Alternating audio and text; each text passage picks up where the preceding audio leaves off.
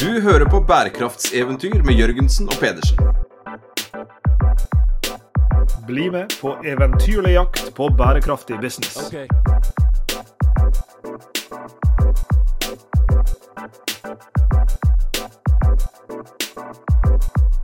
I denne episoden av Bærekraftseventyr så skal vi inn igjen i den spennende jungelen som heter bærekraftig finans. Der har vi jo vært før sammen med Tina Saltvedt, som snakka om EUs taksonomi i en tidlig episode. Vi har vært der med vår kollega Aksel Mjøs, som snakka om bærekraftig finans fra et det faglig finansperspektiv.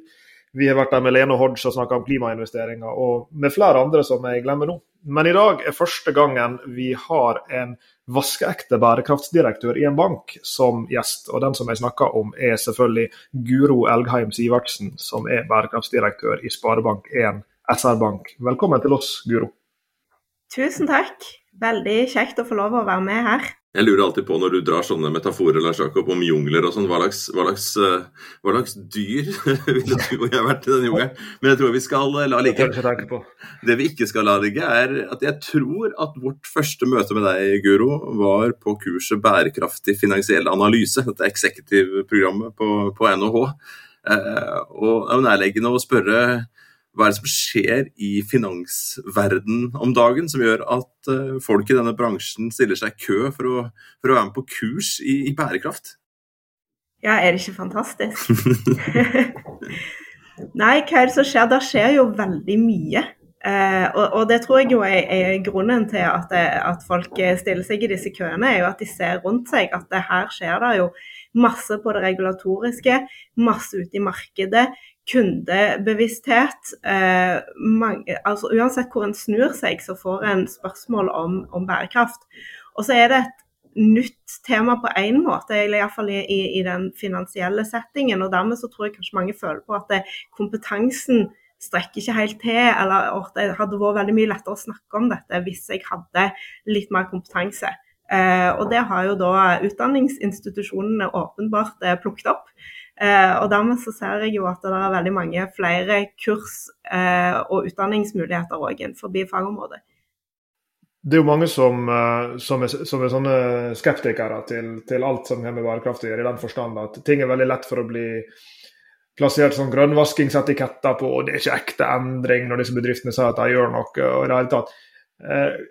Hva, hva er egen, ditt eget blikk på, på, det som skjer i bank og finans nå? Altså for, for Inntrykket fra utsida er jo at, at, det har blitt ja, er jo blitt mobilisert lenge, men kanskje spesielt etter taksonomien.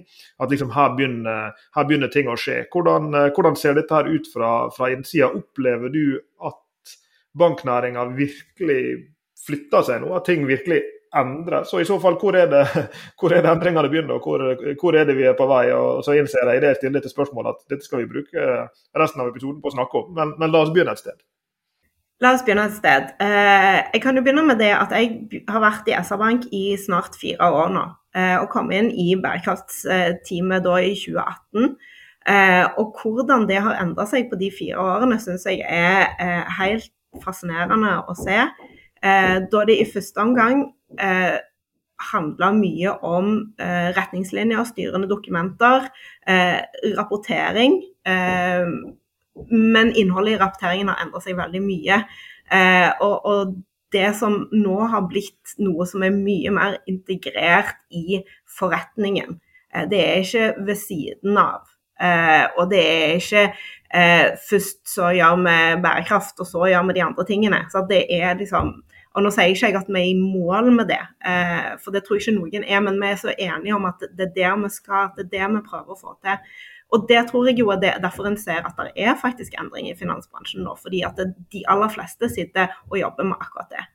Hvis vi skal bare plukke litt eh, videre på det, og nå er jeg ordentlig nysgjerrig. altså I en bank, da. Låner ut penger, investerer penger eh, som sånn hoved, hovedaktivitet, og så er det mange andre ting rundt deg fra forsikring til, til ja, hele pakka. Eh, og hvis dette her virkelig er det begynner å bli integrert, hva, hvilke konkrete ting er det du ser rundt deg? Nei, altså Vi har jo jobbet veldig mye med, eh, på bedriftsmarkedssiden. Eh, begynte vel der for oss fordi vi ser at der er jo kanskje der vi har størst potensial for å gjøre en forskjell. Eh, både positiv og negativ, kan du si, da, at det er der òg har størst eksponering. Og, og, så på, på utlånsprosessene våre. og har jo da utarbeida bl.a. det vi kaller for ESG e due diligence. veldig flott norsk ord. Bærekraftsvurdering er kanskje bedre. Eh, for som vi gjør, bruker i kundesammenheng. Eh, der en går gjennom spørsmål knytta til bærekraft, i tillegg til alt det andre en sjekker i, i kredittarbeidet. Så det betyr at uh, når en uh, en eh, bedriftskunde setter seg ned inne på kontoret til SR Bank i dag, så blir en En er jo alltid blitt gjennomlyst. For det er klart at dere, eh, En ting dere er flinke på, det er å vurdere risiko. Ja, det er en, hvor stor er risikoen knytta til å, å, gi et uh, lån, enten det er stort eller lite, til, til denne bedriften. Eh, men nå gjennomlyser dere fra enda flere vinkler og med enda flere lommelykter, skulle jeg snart sagt. Så det er en annen type er det riktig å si at, at, dette her i stor grad da knyttes an først til, et, til en slags risikovurdering? Altså, her er jo mange ulike innganger til det her, men er det, er det i den enden dere begynner? Altså å si at okay, vi, når vi foretar risikovurdering av, av, av kunder og av, av, nær sagt investeringer og hva det måtte være, så legger vi en, et, et, lag av ESG på toppen av de typene vurderinger vi, vi historisk har gjort? Ja, ja, det vil jeg si at det var utgangspunktet. Eh, og så begynte vi jo med dette for et par-tre år siden, og det er jo klart at dette er en prosess som er under utarbeidelse, som, som stadig blir endra på, eh, fordi det skjer ganske mye på dette området. Eh, men, men, ja, risikovurderingen var nok det som sto i første rekke. Og det å kunne evaluere vår portefølje på, på litt mer overordna nivå eh, var òg noe av det vi, vi, var på jakt etter å få til. Eh, men så ser vi jo òg at dette eh, spørreskjemaet er ganske nyttig i sånn kundedialogsammenheng. Eh, fordi det gir på en måte en inngang for kunderådgiver til å snakke med kundene om akkurat disse tingene. Jubler kundene da, eller? Og hurra! det er en fin dag for betaling av skatt. Det er en fin, fin dag. Jeg har ikke sovet i natt. Jeg tror det kommer litt an på hvem du spør. Eh, selvfølgelig. Eh, mange av kundene våre jobber veldig mye med dette lenge før banken har spurt dem om, om noe som helst. Eh, og syns det er stas å få vise fram og fortelle om de tingene de har gjort. For det er de stolte av. Mm. Eh, noen syns kanskje det er litt krevende, og liksom Å, herlighet, skal dere òg begynne å spørre om dette her? Men jeg tror det, færre, at det blir stadig færre av de, da. Eh, fordi at du, du skal jo liksom du skal ikke lese veldig mange aviser før du skjønner at dette er noe du som bedriftsleder og bedriftseier må, må ta tak i. Og så er det jo reelt sett sånn at, at noen bedrifter altså, har jo en, altså, et forsprang, for å si det på den måten. Da. Altså, Der er jo noen bedriftsledere som gleder seg til å sette seg ned i sånne møter fordi at de opplever at de er flinkere enn de andre til å, til å levere på disse tingene. Og, og da er kanskje et naturlig neste, neste spørsmål å stille seg er jo da ja, det, det, er lett å tenke på dette som altså tenke på inngangen i en viss forstand negativt lada. Altså i betydninga her sitter en bedrift, og de har drevet med massevis av utslipp og forurensning og you name it. Og, og nå skal vi i hermetegn straffe dem med, med, dårligere utlånsvilkår. Eller vi skal, vi skal vifte foran dem liksom et grønt lån, men det kvalifiserer ikke dere til. Så det får noen andre få. Men det er jo noen andre som får det grønne lånet. Og, og nær sagt er det sikkert at dere også har den der inngangen der med altså, både gulrot og pisk på et vis. da. Altså det å identifisere disse kundene som nettopp er i den, i den grønne enden av ringen, for å bruke en boksmetafor. Ja, eh, jeg tenker jo eh, at det kan være nyttig å se på en utlånsportefølje i sånn tre, eh, tre segmenter på en slags skala, der en har i den ene enden de brune, for å si det sånn. De som gjerne har utfordringer knytta til omstilling, og de som du liksom refererte litt til her nå. Det er den ene enden. Og så i den andre enden så har du jo de grønne. Eh, som er de som åpenbart kvalifiserer til, til grønn eh, finansiering og taksonomi, og alt er liksom veldig flott. Eh, og så har du de i midten. Som, som, kanskje er liksom de viktigste her. Som vi som bank tenker at vi skal være med og legge til rette for å pushe de i retning av det grønne. Og, og de tre segmentene krever litt forskjellig tilnærming, da. Det er jo veldig spennende. og En liten sånn oppfølging på det grønne. Opplever du at det i dag begynner å bli nesten en slags konkurranse om de grønne kundene? Altså i den forstand, taksonomien gjør jo at det vil være fordelaktig for dere å ha flere grønne kunder i, i porteføljen deres. Er, det, er det slik at det er et kappløp for å si at ah, der borte er liksom den nye grønne vekstraketten, de må vi få inn i vår kundeportefølje? Ja, absolutt. Det har det vært en stund.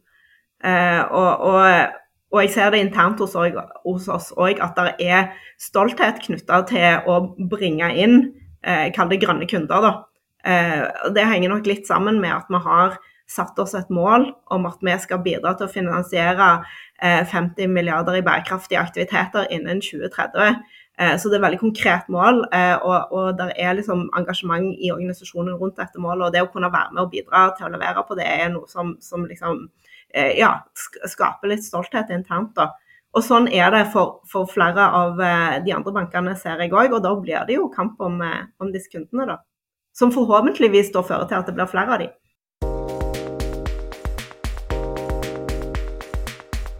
Jeg og Lars Jakob har stått på en scene eller holdt et kurs, eller selv om vi føler at vi har stått og prata om en pølsekiosk på hjørnet eller et regnskapskontor på eh, et lokalt eh, sådan, så, så, kommer det alltid en hånd. Alltid en hånd og, og, og, som spør om små og mellomstore bedrifter. jo, men selv om vi liksom følt liksom, og nå har vi virkelig funnet noen gode eksempler på det, så er det et eller annet der, og så, og så vet vi at de aller fleste de er små og, og mellomstore. Eh, dine refleksjoner og deres erfaringer rundt det å møte dem. For det vi ofte møter, er som ja, men dette er jo, de har ikke ressursene, det er ikke så viktig for dem, de har ikke så stort fotavtrykk. Det er egentlig begrensa hva de kan gjøre, de er veldig avhengig av hva kundene ønsker. Ja. Det er et kjemperelevant spørsmål. Eh, I Norge, som har en veldig stor andel av eh, små og mellomstore bedrifter, i, i SR-Bank sin portefølje òg, de aller fleste eh, kundene våre er inn i den kategorien de er ikke rapporteringspliktige under de store bærekraftsregelverkene, iallfall ikke ennå. Eh, de er gjerne ikke børs, børsnoterte, så de har ikke investorer som står og banker på og skal ha ESG-rapportering. Eh, og de har ikke ressurser, som du sier, til å, eh, til å gjøre den jobben per dags dato. Samtidig så kjenner de nok på at de må gjøre noe. og det er jo, Der tenker jeg jo akkurat denne dialogdelen av, av vår strategi komme inn da, der vi kan bidra til å kanskje belyse noen muligheter og stille noen krav. Um, for å, for å, kunne hjelpe dem litt på vei. Eh, og nå fikk jeg lyst til å drive litt reklame for et eh, lite prosjekt som vi holder på med i, i forbindelse med eh, klimanettverket Skift, som dere gjerne har hørt om. Mm -hmm eh, som SR-Bank er medlem i. Og i en arbeidsgruppe der nå, akkurat nå så holder vi på å utarbeide en slags eh, eh guide eller sjekkliste for SMB-bedrifter for hva konkret de kan gjøre. Eh, fordi vi ser at det ofte er disse eh, eh, veiledningene litt sånn svevende, litt krevende for SMB-er. og vi tenker at det kan være nytte i å lage bare sånne helt sånn enkle ting. Sånn eh, bruke elektriske transportmidler. Eh, ha en eh, reisepolicy eller ha en bevissthet for hvor mye man eh, drar ut og flyr. Eh, ha en bevissthet rundt energieffektivitet i de byggene de bruker. Kanskje de ikke trenger å være så varmt. Um, avfallshåndtering, matsvinn i kantina altså, sånne ting som, som en kan liksom iallfall være med og føle at en kommer i gang. da. På mulighetssiden har dere jobbet litt der òg, for, for, å vise disse selskapene. Eh, vårt argument er ofte at disse små selskapene kan løse problemer for de store, eller løse problemer for, for, privatkundene sine, og de kan jo være små. Eh, har dere jobbet litt på mulighetssiden også? Eh, ja, vi har, eh, vi har, nok det. Og, og, men kanskje det er litt mer umodent. Eh, men vi setter jo opp nå et eh, miljølån. Det er jo veldig i, i tiden. Nå hopper vi litt over på personmarkedssida. Eh, et, et, miljølån der, der vi, vi, tilbyr et et lån med gunstige betingelser for personkunder som ønsker å gjøre energitiltak på sin bolig. Og Måten vi gjør det på, er også knytta til oss lo lokale leverandører, eller et nettverk av leverandører som kan Eh, levere varmepumpe, installerer solceller og gjør disse tingene. Eh, for å liksom prøve å skape et økosystem der, da.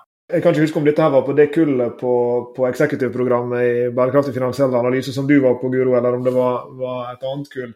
Men jeg husker det kom opp en veldig spennende diskusjon der når en jeg tror han var finansanalytiker, han som tok ordet, og så sa han at han syntes at det vanskeligste, men kanskje viktigste nå, var å kunne begynne å måle og vurdere positive fotavtrykk like mye som negative. Og Da uh, brukte han eksempelet, så vidt jeg husker, med om, jeg kan ikke huske om det var Microsoft eller om det var uh, i, alle fall et eller annet IT-selskap uh, IT hvor ja, disse, disse, digitale tjenestene de tilbyr, gjør at folk ikke har fysisk printere og skannere og hva det måtte være. Eh, de, de, har gjort at ting blir dematerialisert. Så I realiteten så er deres digitale tjenester de fører til at vi slutter å kjøpe fysiske ting. Ja, og så mente han at Hvis vi skal ta det selskapet sitt fotavtrykk på alvor, ja, så må vi jo finne en eller annen måte å måle det der på. Altså at Det at dette selskapet finnes og tilbyr sine tjenester, gjør at folk et annet sted da ender opp med å ikke kjøpe noe som de ellers ville ha kjøpt. Eh, og Det er selvfølgelig vanskeligere å måle. og Det er vel kanskje en, en, eh, en parallell til det som vi er inne på her. at det er vel lettere for dere å sette dere ned med en kunde og si ah, vi ser at dere har så så høyt CO2-utslipp, eller at dere har så lite energieffektive bygg, eller hva det måtte være. Så la oss, la oss forsøke å hjelpe dere å gjøre mindre av de tingene som er dårlige. Mens den andre sida av det, det å, det å, fange opp at ja, dere er faktisk en aktør som installerer solceller, eller dere er en aktør som, som gjør andre typer grep for både bedrifts, dere sine bedriftskunder eller dere sine husholdnings- privatkunder, som medfører at de får et lavere fotavtrykk. Og, og der har vi vel kommet kortere på et vis i å tallfeste og fange opp og, og evaluere de der typene hva det positive eksternaliteter. Ja, jeg tror nok kanskje det, og særlig inn mot personkunden, eh, så er det jo lite eh, lite ennå på det, kanskje, men jeg syns allikevel det er et veldig spennende område eh, å se på hvordan vi som bank, og, og, for øvrig andre næringslivsaktører òg, kan være med å eh, bidra til eh, eh, at kundene våre kan ta mer bærekraftige valg. da. For det er jo flere og flere sånne undersøkelser som viser at personer, privatpersoner ønsker å ta mer bærekraftige valg. De vet eh, at eh, vi har et, et, forbruk som er, eh, er for høyt, gjerne, og, og, at det er ting med livsstilen vår som, som ikke holder seg i, i, i, det lange løp. Og vi vil på en måte gjøre noe med det, men vi, vi syns at alternativene per nå er, er for dårlige. da. Så hva muligheter ligger det for en bank i det området der, det syns jeg er veldig spennende å, å se på at vi skal utforske framover.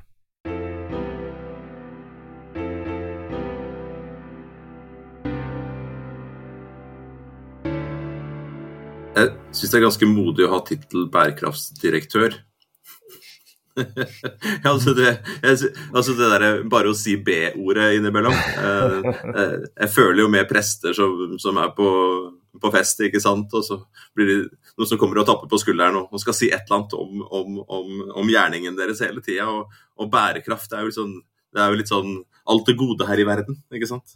Da var det presten. Ja, ja, ja. Og vi var jo besøkte, besøkte dere her i, i, i våre, som jeg ikke husker helt uh, feil, uh, i Stavanger. Det vakre, vakre trebygget deres, og, og, så en film med deg. Uh, for du har jo gått litt foran også, apropos dette med privatmarkedet og privat hva, hva, man kan gjøre selv. og du har også forrige uke mener at jeg så deg sist på, på, på, nyhetene med de interne tiltakene dere har gjort for å drive kall det husrydding i eget selskap. Kan du fortelle litt om dette? Jo, eh, ja, altså det har jo vært på en måte litt praktisk, da. Eh, at jeg eh, har eh, gått og investert i en sånn en elektrisk transportsykkel eh, som jeg bruker til å frakte meg eh, sjøl og mine to yngste barn i barnehagen. Som jeg syns fungerer helt topp. Eh, men da i tillegg, når, når, det skal lages en sak på hvordan ansatte i SR-Bank har endra sine reisevaner betydelig, eh, og gått ifra noe sånn som 65 bilandel til 37 eh, på, på et par år, så er det jo veldig praktisk å være en av de som, som har gjort det, det samme sjøl. Eh, men jeg syns jo det er ganske flott å se da, hvordan vi har fått til det. Og vi bygde jo nytt hovedkontor eh, som sto klart eh, rett før pandemien, så vi fikk lov å være her i tre måneder eller noe sånt før alle ble sendt på, på hjemmekontor. Eh, men det er altså da, var i hvert fall når det var ferdig, Nord-Europas største kontorbygg i tre. Eh, så det er jo veldig sånn synlig bærekraftig, for å si det sånn. Eh, I tillegg til at det er jo Bream Outstanding-sertifisert og, og, disse kravene som er knytta til det. Men jeg tror det er noe med, med, den synligheten for de ansatte. da, Når du går inn på jobb i et så åpenbart bærekraftig bygg, så gjør det noe med, med de beslutningene du tar sjøl òg. Der er jo en studie som viser at uh, den største prediktoren for om noen har solceller på taket sitt, det er om naboen har det. En studie mm. fra, fra, USA. Så vi vet at det er en sånn sosial smitte i, i disse typene aktivitet. Opplever du de samme ringene i vannet rundt deg sjøl, for så vidt, både på jobben? Eh, for, for du, det er klart at du har jo en posisjon på jobben som, som en som representerer bærekraft eh, internt, men for den del også i, i, livet mer generelt. Ser du at disse kall det grønnere praksisene blir, eh, blir plukka opp av andre for, når en ser at de er tilgjengelige og at de kan være attraktive? Ja, ja, det tror jeg nok absolutt. Samtidig på samme måte som at jeg blir inspirert av andre som jeg ser eh, gjør eh, smarte ting Eh, når det kommer til, til, til, bærekraft. Og så skal en jo være veldig forsiktig tenker jeg, og sette seg opp på en, eh, en pitstall i denne sammenhengen. For her er det jo virkelig ingen som er perfekte, og vi kan alltid gjøre ting bedre. Eh, men der har jeg jo har jo ikke jeg noe Jeg syns ikke man skal miste mot av det, da. Jeg tenker at de, alle valg en tar kan være et positivt valg, og at en ikke skal liksom snakke det ned fordi en ikke er perfekt. At en tar imot de, de mulighetene en får, da, sånn sett. Jeg og Sveinung prøver jo å, å, å være motvekten som uh i en episode tidligere fra Brasil hvor vi forteller om at vi spiste kjøtt med begge hender. Vi tør ikke å si høyt hvilken farge det er på eurobonuskortet vårt. Så vi, vi tar den, den, djevelske enden av, av, bildet her som eh, skrekk og gru. Men, men jeg har et, et, spørsmål til om denne bærekraftsdirektørrollen, eh, Guro. fordi jeg og Sveinung har jo hatt gleden av i veldig mange år å, å utdanne folk på NHH som, som, nå har endt opp med å bli bærekraftsdirektører. Og, og som Sveinung er inne på, vi, vi, jo, vi, har jo av og til litt sånn medfølelse med det. For det kan jaggu være tøffe, tøffe, jobber å ha. Vi, kjenner mange av disse folka som vi ikke har utdanna også, som er bærekraftsdirektører i flyselskap og de er bærekraftsdirektører i store retail-aktører. Og Det kan jo jaggu bli svett av, av, mindre enn å tenke på, på de utfordringene en står overfor. I en bank er det kanskje litt uh, Jeg skal ikke si ikke at det er mindre vanskelig, men det er kanskje en litt annen type oppgave i den forstand at dere er jo drivende dyktige i finansnæringa til å forholde dere til reguleringer. Og så kommer det en regulatorisk, om ikke storm, så i alle fall det kommer veldig mye regulering. Eh, og du nevnte taksonomien og det andre ting også. Er det på et vis en, en, takknemlig inngang å kunne gå denne det, regulatoriske og litt sånn compliance-aktige veien inn, eller kan det av og til være en, en sånn, sånn her eh, kule rundt foten som, som, de hadde i fengsel i gamle dager? Eller hvordan oppleves det der at så mye av ESG og bærekraftsarbeidet er, kommer fra et regulatorisk hold? Nei, altså Det kan jo være veldig praktisk i noen sammenhenger, da. sant? Hvis, hvis, ikke du vil høre på meg, så hører du vel iallfall på Finanstilsynet. Den, den, eh, det virker. Eh, men nå, nå, er vi ikke akkurat der, altså. Det, men, eh, men, det er jo et poeng da, at vi får drahjelp av det regulatoriske når det kommer til å sette bærekraftsagendaen. Det er jo ikke, det er jo ikke tvil om det. Og så kan man jo gjerne bli, få litt sånn høydeskrekk av alt det som kommer på det regulatoriske. For det er jo ikke akkurat småting vi blir bedt om å gjøre og rapportere på i, i årene som kommer. Eh, så jeg er jo spent på å se hvor, eh, hvor, noe av det der ender. En annen ting som jeg syns er veldig viktig å dra fram eh, når vi snakker om akkurat dette, som, eh, og det er jo det at eh, når det kommer til bærekraftsstrategi i finans, så mener jeg at det er veldig viktig å holde med, ha med seg begge deler. Da. Sånn at det skal ikke bare være compliance med det regulatoriske en må òg se på de forretningsmessige mulighetene som ligger i eh, bærekraftskiftet og det som skjer nå. Og begge de delene er viktige. Vi har jo en tidligere episode sagt at du kan ikke stave ESG uten I. Ja. Så god er vi i staving. Men, mhm. eh, og I-en der, den, den, spiller jo på innovasjon. Eh, og Det er jo litt av, litt av, det vi snakket om for litt siden her også. sånn uh, Greit. Uh, kjempespennende og viktig arbeid rundt, rundt Skift her. Og, få satt opp hva er disse SMB, disse små og mellomstore bedriftene, faktisk kan gjøre. De som føler at de ikke har så stort uh, fotavtrykk. da. ok, Hvordan er det man faktisk kan gå inn og gjøre noen, noen grep der? Og så er det jo en sånn allmenn utfordring i dag å tenke liksom, ja, hvordan kan man få til disse innovasjonene som kan gjøre at man kan, kan hjelpe andre da, til å til å gjøre sitt fotavtrykk eh, lavere. Eh, og Du snakket tidligere også om, eh, om ja, de som er i bevegelse, kompetanse i banken, det å være en rådgiver.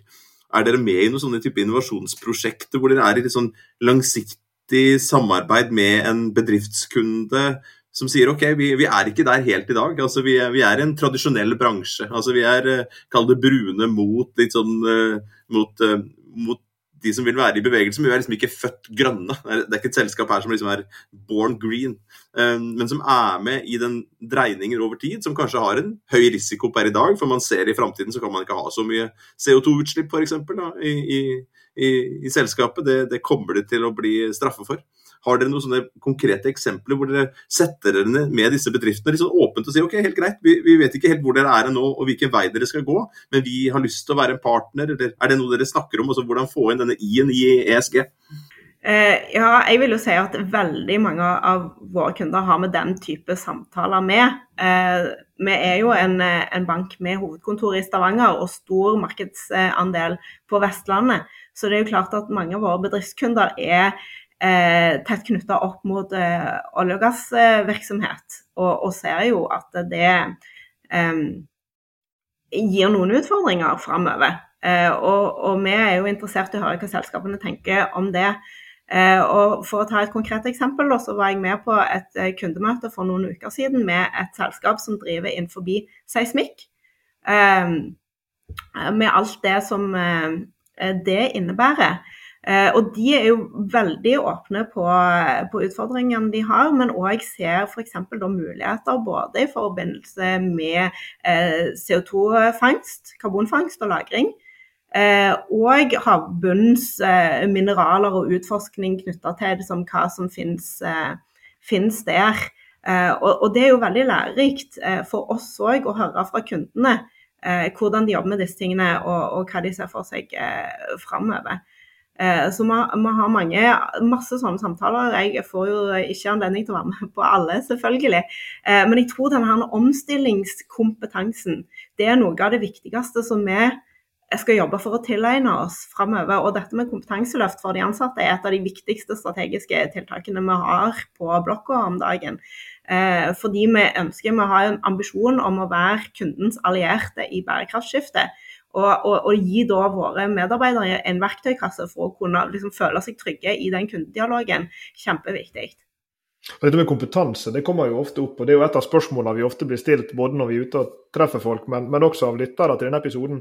Spør jo om kompetanse, enten det er som Sveinung var inne på i stad, SMB-ene som sier hva slags kompetanse er det vi trenger for å gjøre dette, eller er det de store, kall det mer profesjonelle, nesten byråkratiske store bedriftene som, som har store avdelinger som jobber med dette. Så er det også et spørsmål til kompetansegapet som, som, er der, og som vi starta med å snakke om i denne samtalen med, med tanke på videreutdanning i, i bærekraftig finansiell analyse osv. Og, og jeg vet, uh, Guro, for jeg leser uh, Finansfokus, så jeg vet at uh, i et intervju med deg forleden så, så sto det at du var i prosess med å å ansette fire nye til, til, din avdeling, og de fire er kanskje ansatt allerede. Så, så det er mer ja, En ting er de fire, men hvis du skulle ansette to til, Eh, hva er det slags kompetanse du ser at dere trenger framover, og, og, og, hva slags type nær sagt, oppgave er det som, som, må løses når dere skal få til disse tingene? Dere skal både tiltrekke dere disse grønne kundene i den enden som, som du var inne på. Dere skal dytte disse kall det gule kundene da, midt mellom det grønne og det brune i en grønnere retning og hjelpe dem å omstille seg. Og dere skal kanskje til og med dels med pisk og dels med gulrot, få disse bruneste til å, å bevege seg i, i, den riktige retninga også. Og, og, hva er kompetanse, om ikke gapet, så iallfall kompetansebehovet du ser framover, da? Ja, eh, jeg har lyst til å bare si kort om, om det, det, teamet som jeg nå er i ferd med å få på plass. Eh, for det er litt, eh, forteller litt om hvordan vi, vi jobber med dette. Eh, det kommer inn fire nye medarbeidere eh, veldig snart, eh, som jeg gleder meg veldig til. Eh, og to, sånn som vi har delt det opp, så to av de skal jobbe med bærekraft internt hos oss. På, rapportering, orden i eget hus, eh, kompetanse og opplæring, disse tingene her. De to andre rollene er spesifikt ut mot forretningsdivisjonene. Strategisk rådgiver, businesspartner ut mot eh, storkunde, eh, SMB og personmarkedsdivisjonene. Så, så, jeg håper og tror at vi rigger oss da for å kunne gjøre både compliance-jobben og eh, forretningsutviklingsjobben innenfor bærekraftsområdet. Eh, og når det kommer til kompetanse, så er det jo, sånn som jeg ser det, en fordel av å ha erfaring fra næringslivet. Ha jobba i en bedrift og vite litt om hvor eh, skoen trykker, eller hvilke utfordringer og hvilke løsninger som finnes Eh, men, men, samtidig så tror jeg det handler òg veldig mye om eh, nysgjerrighet og evnen til å lære seg nye ting. Eh, fordi her skjer det jo nye ting hver eneste uke, eh, og det er jo bare å En må jo bare henge på.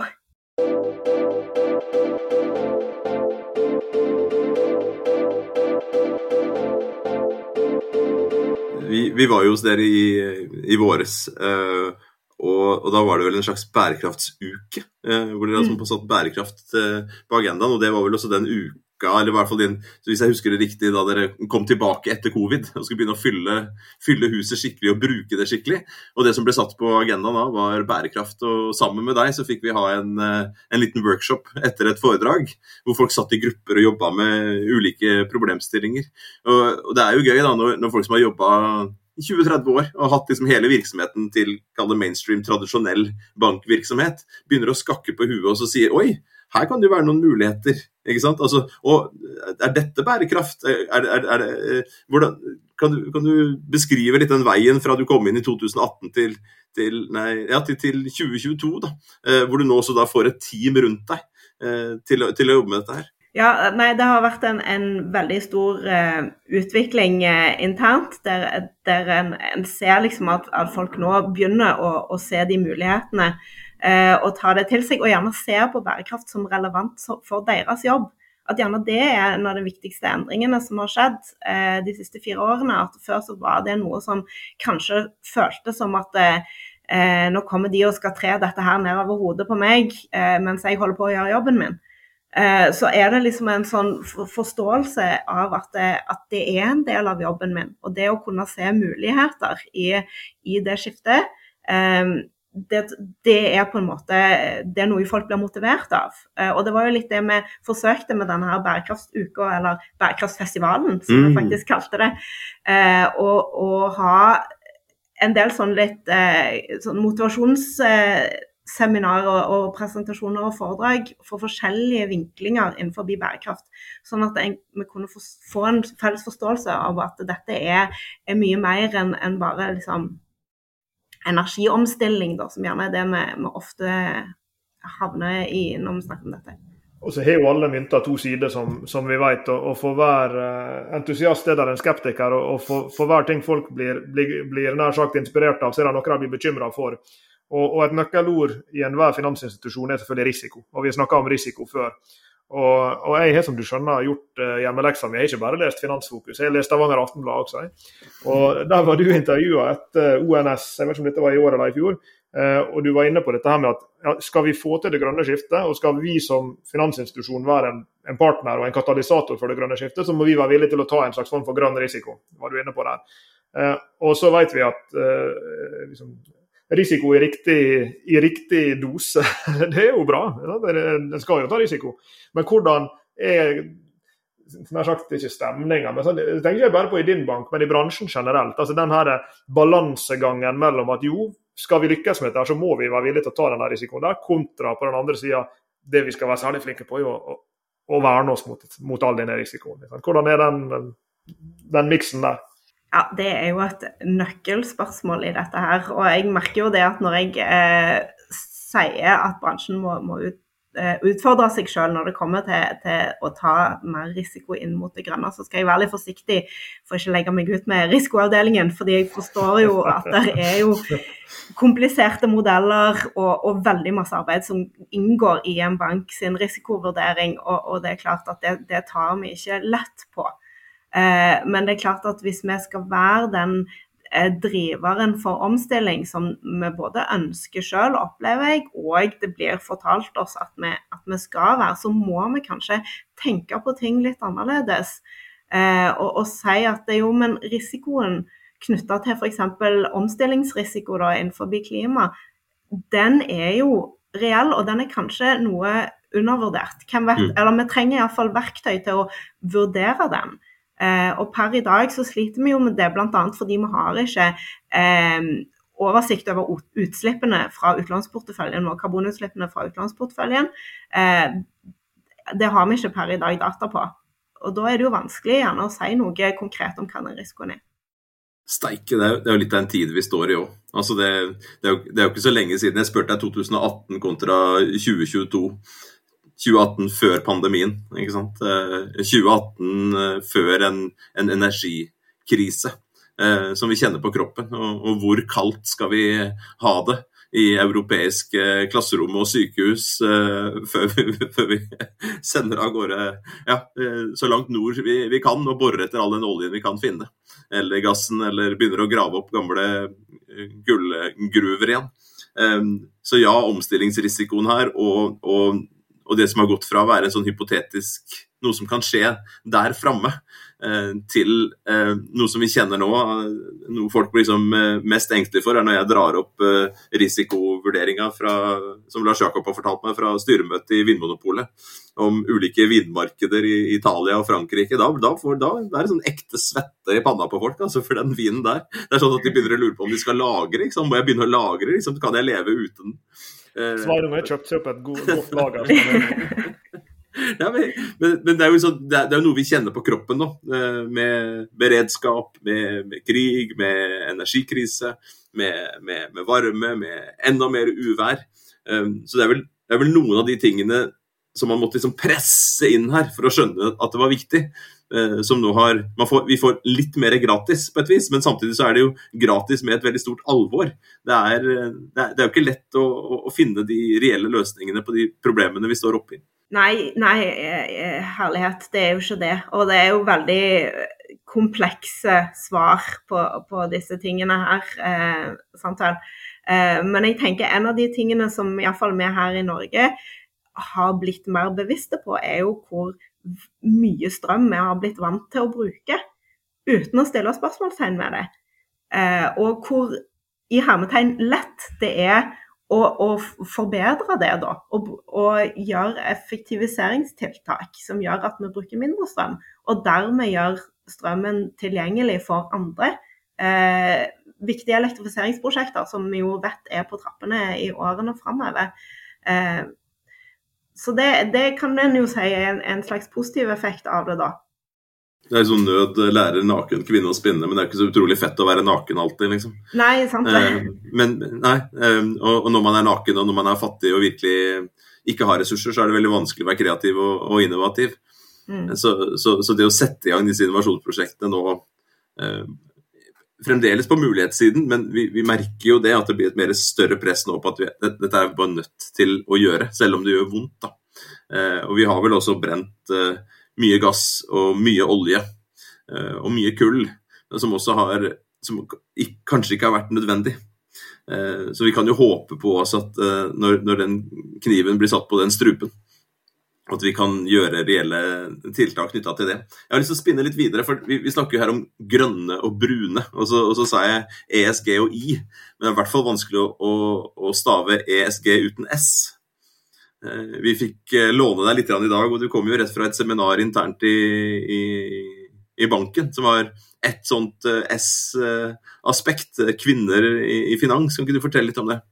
Jo, ja, det var faktisk ikke et bankinternt arrangement heller. Det var en, i forbindelse med rapportlanseringen til kvinner i finanscharter Eh, så, som er et, et, initiativ som har fått ganske bred oppslutning i norsk finansliv, som veldig mange har knytta seg til.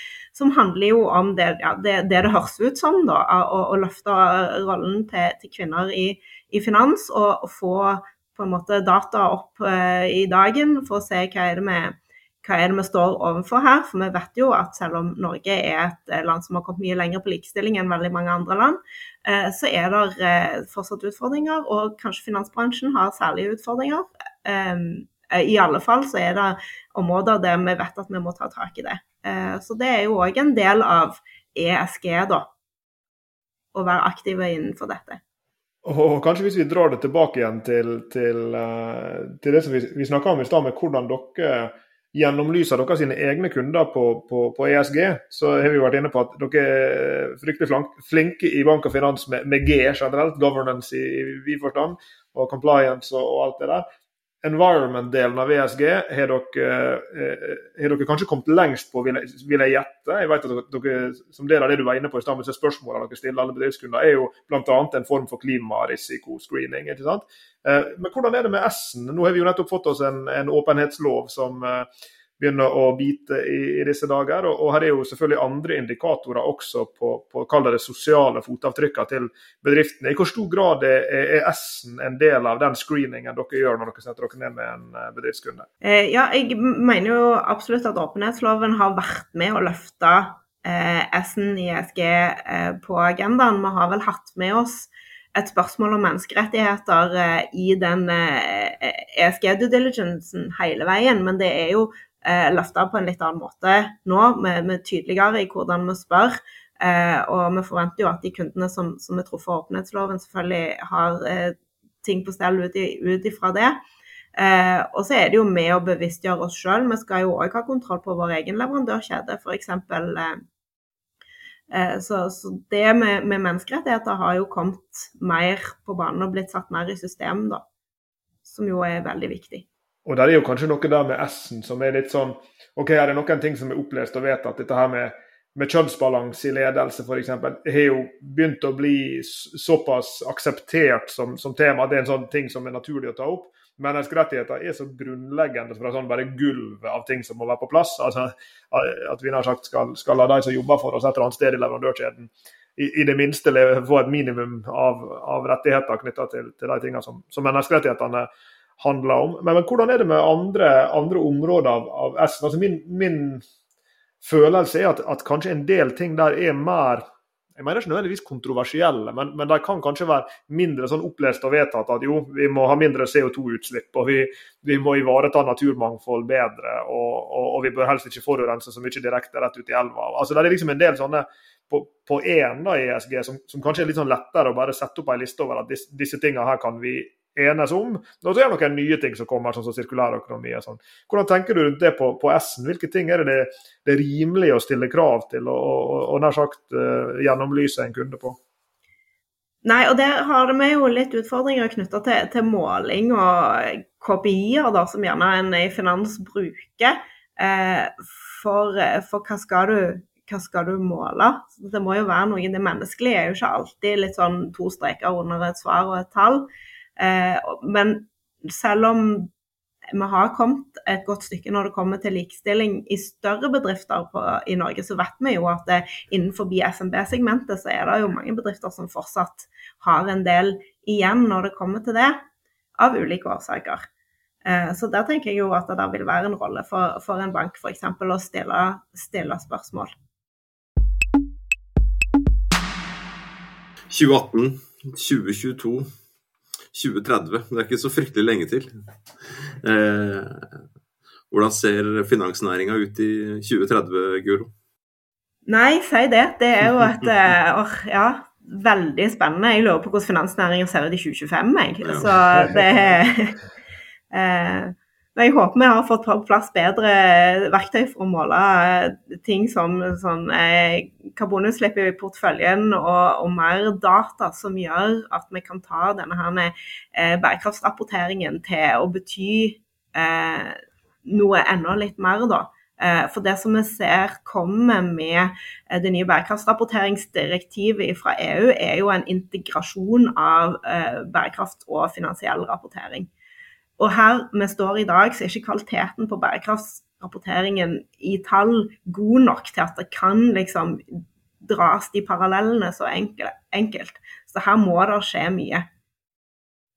Og på bakgrunn av det så vil vi jo òg kunne ta bedre beslutninger, tenker jeg, og se enda tydeligere de mulighetene som ligger, ligger foran oss. Det skal ikke være lenge i kommentarfeltet på, i sosiale medier før man leser liksom Å, nå skal Norge løse dette problemet, mens det er jo egentlig verden. Eh, og, de, og, dere sitter jo her med disse norske kundene, norske bedriftskundene også. Eh, jeg spurte litt hvordan de reagerer de, og jeg fleipa litt med deg i stad og spurte om de jubla liksom når dere kom. Eh, men Norge i verden, eh, får dere noen sånne ja, gode refleksjoner fra kundene om det? Hvordan er det de opplever det fra, fra, fra denne lille utposten på, på, på jordkloden? Eh, altså, dette er gjerne litt på siden av spørsmålet, men jeg hadde en prat med en eh, eh, bransjekollega i, som jobber i Sør-Afrika, i en tilsvarende eh, rolle i en bank på størrelse med SR-Bank eh, med ESG-ansvar. Og Vi har snakket lenge om eh, utfordringer knyttet til klimarisikovurdering og kunder og grønn finansiering osv. Og jeg satt og tenkte ja, men vi er jo liksom i samme båt, meg og deg, og har de samme utfordringene. Og så kommer han til slutt inn med en kommentar. Ja, og så har vi jo det der med å, å, holde kundene våre ute av fattigdom og gi folk et sted å bo og prøve å sørge for at de ikke blir drept på gata, mer eller mindre. Så det var sånn herlighet. Det, at jeg klarte å la være å tenke på det. Men altså, det er jo i verden der ute Vi er jo privilegerte sånn sett, som får lov til å så eh, nærmest skumma fløten i bærekraftsarbeidet eh, her i Norge. Og det, det, tror jeg det er viktig at vi husker på av og til. Eh, at vi, vi, har det utrolig godt. Men òg fordi at vi har det utrolig godt, så har vi jo, tenker jeg, et større ansvar. Altså Vi må jo gjøre det vi har anledning til å gjøre. Og det er å ta ansvar for å være en del av løsningen her. I 2030 Guro, da er barna dine blitt så store at Eh, de går til skolen sjøl. Og da har du ledig plass framme på den der, eh, den der sitteplassen framme på, på, sykkelen din. Så da kommer jeg og Sveinung til, til, Stavanger. Og så kan vi sitte der og, og sykle ut, eh, ut, utover fjorden og, og, diskutere hvordan Norge har klart seg i disse åra fram til 2030. Og I mellomtida så kommer vi til å følge nøye med den, den jobben, viktige jobben du gjør i, i FR-Bank sammen med kollegaene dine. Og vi ønsker dere lykke til med eh, rolla som katalysator i kanskje en av de viktigste regionene i landet eh, i den omstillinga som vi står midt oppe i nå. Tusen takk for at du ble med på bærekraftseventyr med oss. Tusen takk for meg, og dere er hjertelig velkomne på besøk. Eh, både før og etter. takk for det.